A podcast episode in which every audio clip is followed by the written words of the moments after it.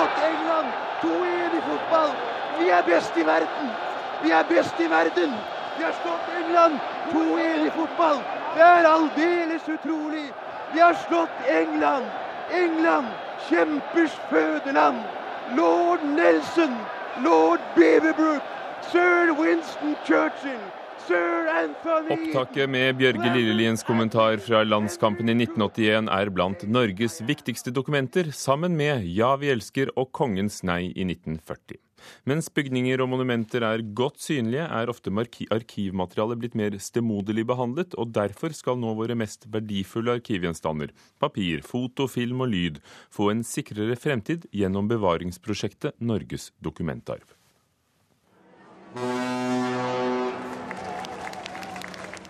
Dette er lyden av noe av den viktigste dokumentasjonen i nasjonen Norge. NRKs TV-sendte hurtigrutereise minutt for minutt. Sendinga har bidratt til nasjonal identitet og gitt en unik dokumentasjon av den norske kysten, mener komiteen bak Noregs dokumentarv, som også har sett denne på lista. Ja, vi elsker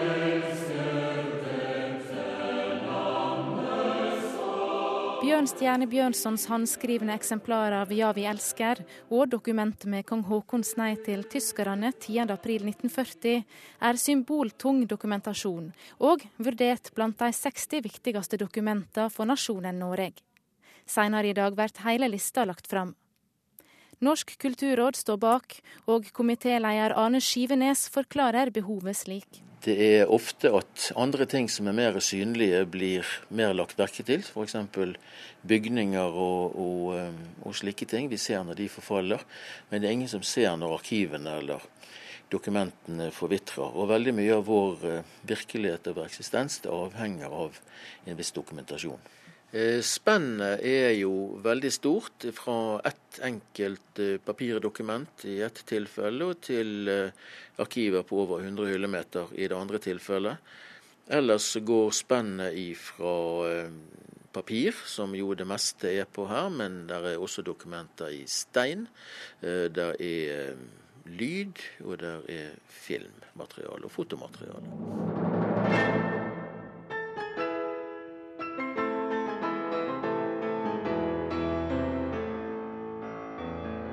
Det kulturhistorisk viktige manuskriptet til Edvard Griegs Amol-konsert er med på lik linje med mange dokumenter av stor politisk tyding, bl.a. Eidsvoll-dokumenter fra 1814.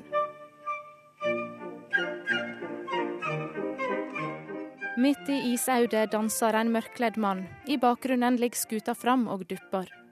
Filmklippet fra Roald Amundsens Sydpolfilm er allerede på den internasjonale dokumentarvlista til Unesco sammen med et dukkehjem av Henrik Ibsen, arkivet til Tor Heyerdahl og Lepra-arkiva. Og dette er arkivet til overlegen for den spedalske sykdom. På Statsarkivet i Bergen finner statsarkivar Yngve Nedrebø fram til verdens første nasjonale helseregister, oppretta i 1856. En liten del av Lepra-arkivet som dokumenterer gjennombruddet for den vitenskapelige forståinga av spedalsk sykdom på verdensbasis. Han forteller at det er av stor tyding å være på den internasjonale Unesco-lista. Det betyr altså at uh, dette vet man om i Korea og i Japan og i Brasil. Man vet at det er vi som sitter på materialet, og vi inviteres til å spille inn og vise frem. Det har betydd at vi har fått penger for å digitalisere dette, for å gjøre det tilgjengelig internasjonalt på internett osv.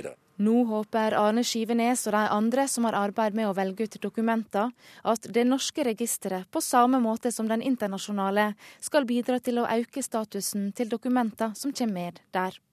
Nei, Nå går vi ut fra at eh, de som har fått eh, sine innslag inn på registeret, gjør sitt maksimale for å, å formidle dette ut til publikum.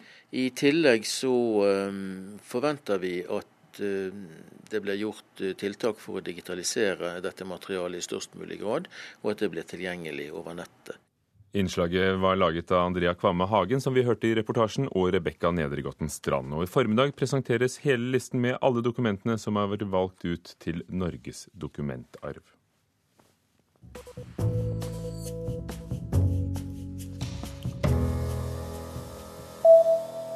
Psykiatergruppen som behandlet rapporten om Anders Behring Breivik, ble avlyttet av NRK.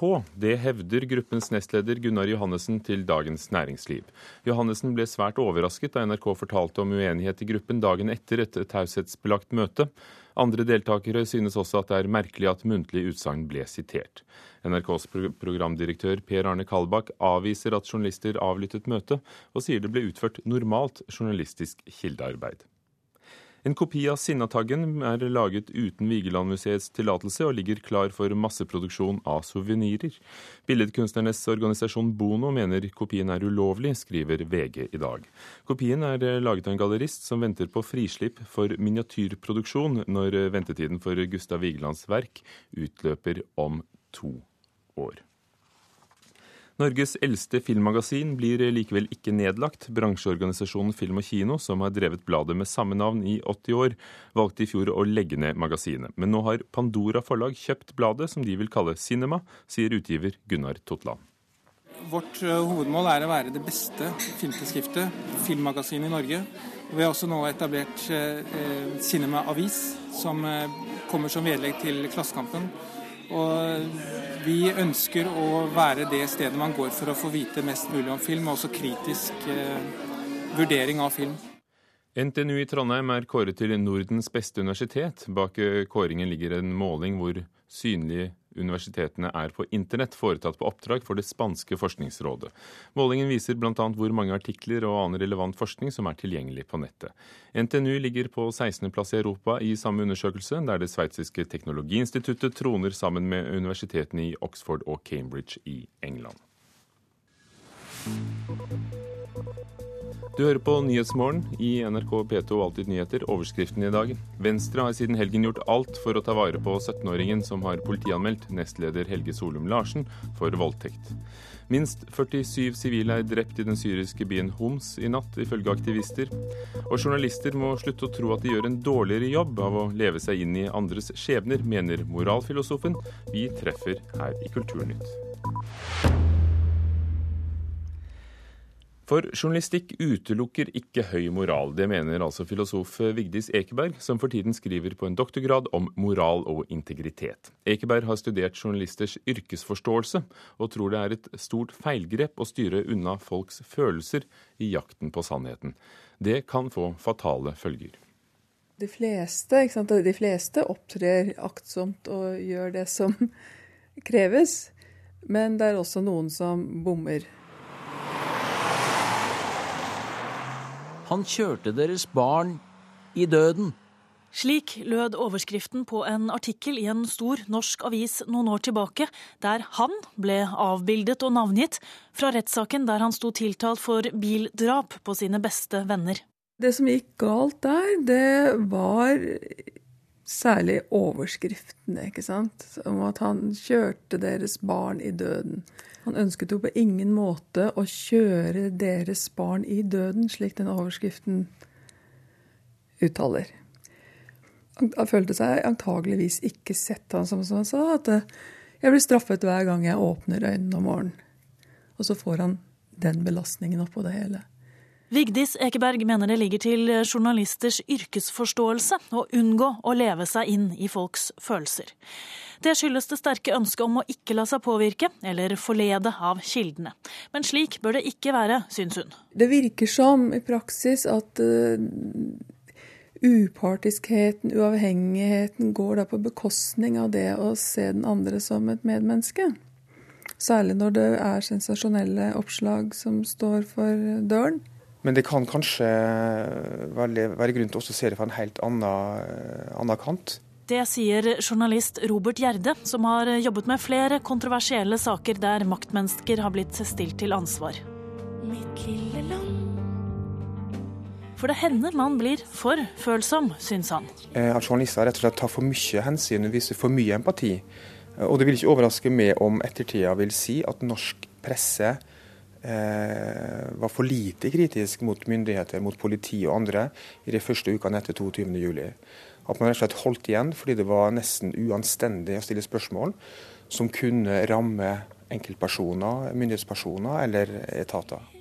Selv har han opplevd at han ble mer varsom etter at han jobbet med bedragerisaken mot den tidligere helseministeren Tore Tønne, som til slutt døde etter en tid med hardt mediepress. Men hvordan vet man hvor grensen går for medietrente folk? Nei, det vet man jo, man jo aldri. Tore Tønne-saken var, var, var, et sjokk for mange journalister. Eh, og det er en utfordring å, å, å være empatisk og, og, tenke hvordan det er på den andre siden, og samtidig altså både tenke klart og ha et kritisk perspektiv. Vigdis Ekeberg mener journalistene likevel vil gjøre en bedre jobb hvis de alltid lever seg inn i enkeltskjebnene, ikke bare i ekstremtilfellene. Det tenker jeg blir en veldig sånn slitsom og krevende og forvirrende arbeidsmåte. Så hvis man som journalist hele tiden kan være aktsom på hvordan, hvordan oppleves dette for den andre? Hvordan vil den andre oppleve det når dette blir publisert? Og da er det alltid en fare for at man blir kanskje forsøkt manipulert.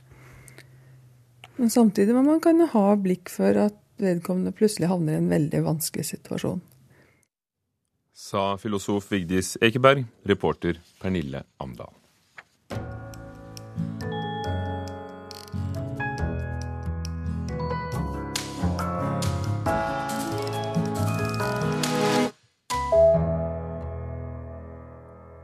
Den amerikanske historikeren og Yale-professoren Timothy Snyders bok 'Dødsmarkene Europa mellom Hitler og Stalin' fikk mye oppmerksomhet da den kom i 2010. Og nå kommer den på norsk. En viktig bok, ifølge vår anmelder Leif Ekle. Timothy Snyders bok om det han kaller dødsmarkene, er uten sammenligning den mest brutale, den dypest rystende og mest gripende framstilling av europeisk andre verdenskrigshistorie jeg har lest. Forklaringen ligger først og fremst i Timothy Snyders framgangsmåte, i jakten på sannhet og innsikt uten kompromiss eller føleri. Det Snyder har kalt dødsmarkene, strekker seg fra Østersjøen til Svartehavet og fra Moskva til Berlin. Eller med Snyders ord, det er områdene der størsteparten av jødene i Europa levde, der Hitler og Stalins imperieplaner overlappet hverandre, der Wehrmacht og Den røde hær kjempet, og der det sovjetiske NKVD og det tyske SS konsentrerte sine styrker. Snyder har arbeidet fram og systematisert store mengder nyere forskning og arkivmateriale som er blitt tilgjengelig etter murens og Sovjetunionens fall. Elementer som ikke er satt sammen på denne måten før.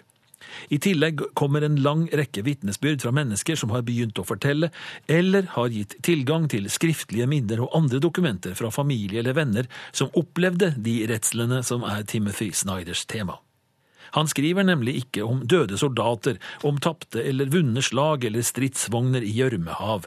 Han skriver heller ikke om holocaust som sådan. Snyder skriver om massemord, om deportasjon og planlagte sultkatastrofer, om Hitler og Stalins nedslakting av sivile, fra den første organiserte sultkatastrofen i Ukraina tidlig på 30-tallet, via Stalins store terror til nazistenes nesten helt gjennomførte entløsung. Mot slutten av boka skriver Snyder 14 millioner er det omtrentlige antallet mennesker som ble drept av forsettlig politikk for massemord utført av Nazi-Tyskland og Sovjetunionen på dødsmarkedet. Og da snakker han stadig om sivile. Jøder, polakker, ukrainere, baltere, russere. Skyting, gassing, utsulting. Det er mange tall i denne boka. Nesten alle teller omkomne og drepte. Det vondeste med tall i en slik sammenheng er at når de først er etablert, kan man ingenting gjøre med dem. De står der. Bare ett eksempel til. 682 692 registrerte dødsdommer under den store terror i Sovjetunionen 1937-1938. Langt de fleste i Ukraina. Snyders halvstarrige sammenligninger mellom nazistenes politikk og den som ble ført i og av Sovjetunionen, er slående, skremmende og rykker effektivt teppet vekk under de seiglivede forestillingene om at Stalins og kommuniststatens hensikter tross alt var gode.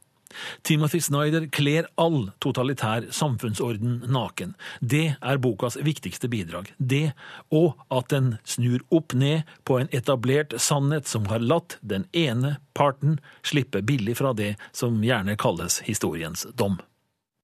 Leif Ekle om Timothy Snyders bok 'Dødsmarkene Europa mellom Hitler og Stalin', som er oversatt til norsk av Rune Moen, og du kan lese en utvidet versjon av anmeldelsen på nrk.no litteratur på nettet.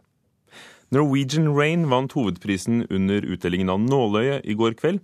Det er niende gang bladet Henne deler ut prisen, som regnes som den gjeveste moteprisen i Norge. Vinneren fikk prisen for sin kolleksjon av regnfrakker, som allerede er blitt lagt merke til ute i verden.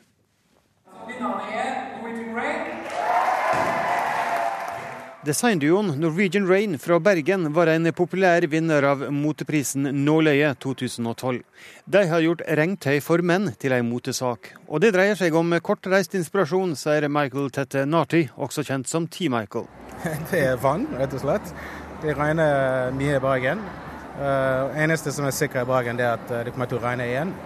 Og da må vi uh, gjøre et annet som gjør at uh, livet i Bergen blir deilig å leve i. Moods of Norway-gründer Simen Stålnakke var en av de som satt i juryen i år. Han mener Norwegian Rain hadde det lille ekstra som gjorde at de skilte seg ut i en knallsterk konkurranse.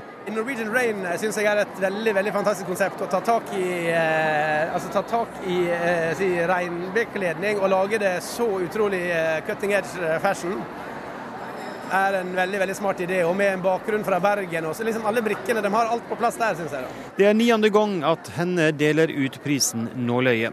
Forlagsredaktør Ellen Arnstad var mor til prisen, som ble stifta i samband med at bladet fylte ti år. Årets utdeling var det så vidt hun rakk, fordi hun ble mor for sju uker siden.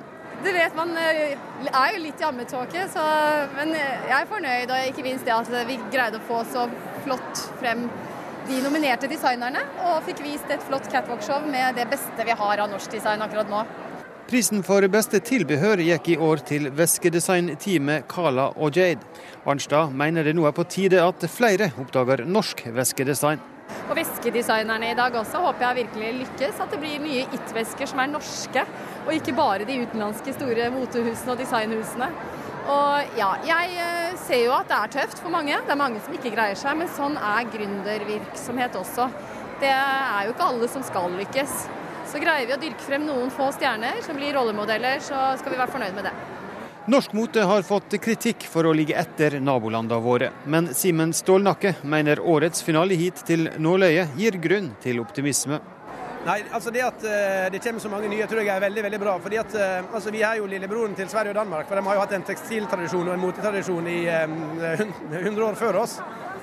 Så vi har jo det er ganske store sko å fylle. Men jeg føler liksom Norge har funnet sin rolle nå. Det at en greier å skape egne brands og varemerker i Norge med en genuin identitet, er veldig veldig viktig. altså. Så det og vi syns vi heier hele veien. altså. Alt som er bra for Norge og norsk design, er veldig bra for alle. Norwegian Rain har allerede blitt lagt merke til ute i den store verden. Neste stopp for designduoen nå er New York, forteller Alexander Helle.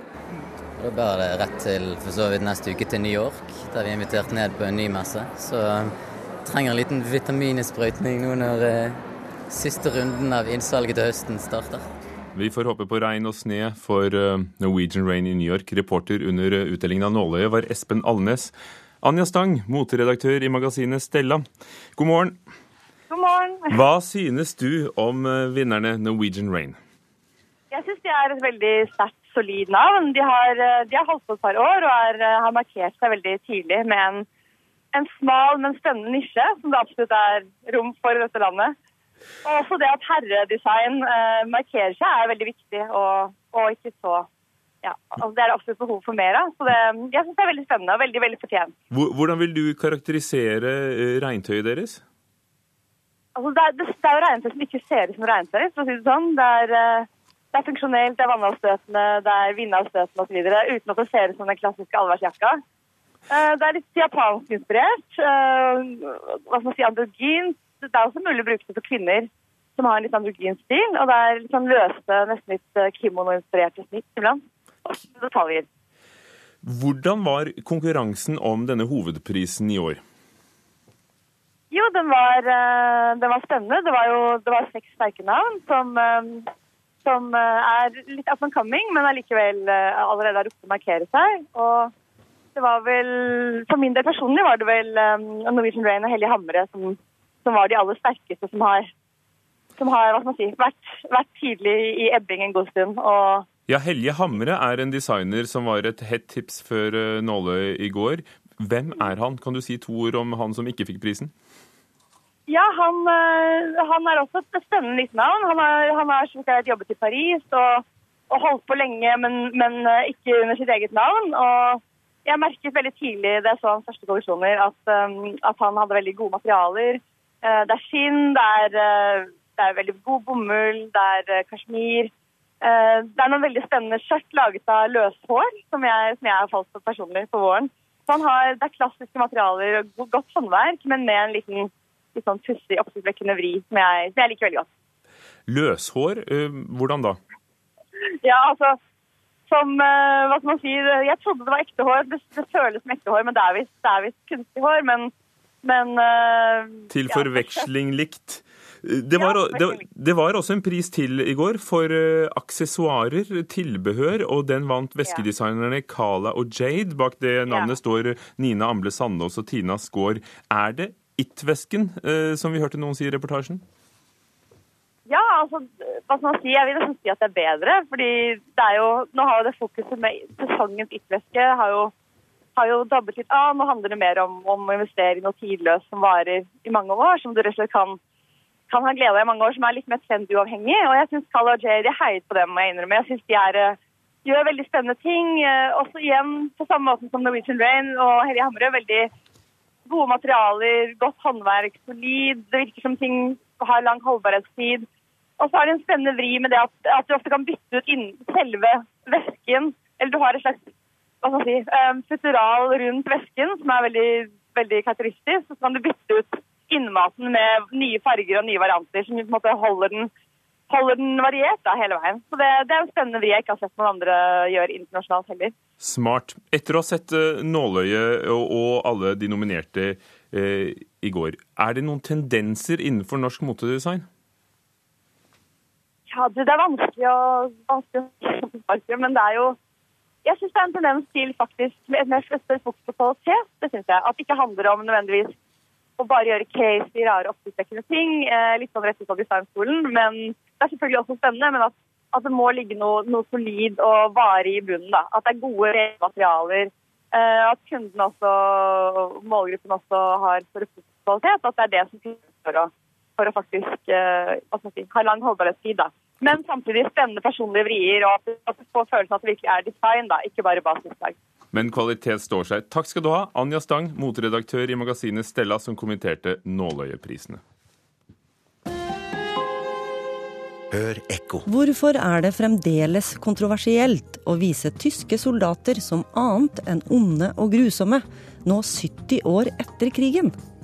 I mars kommer det en ny norsk film om andre verdenskrig. Og den viser en helt annen side ved krigshistorien enn storfilmen Max Manus. Nemlig vennskap med tyskerne. Ekko 9 til 11 i NRK P2. Etter eh, Nyhetsmorgen her, altså om en eh, drøy halvtime.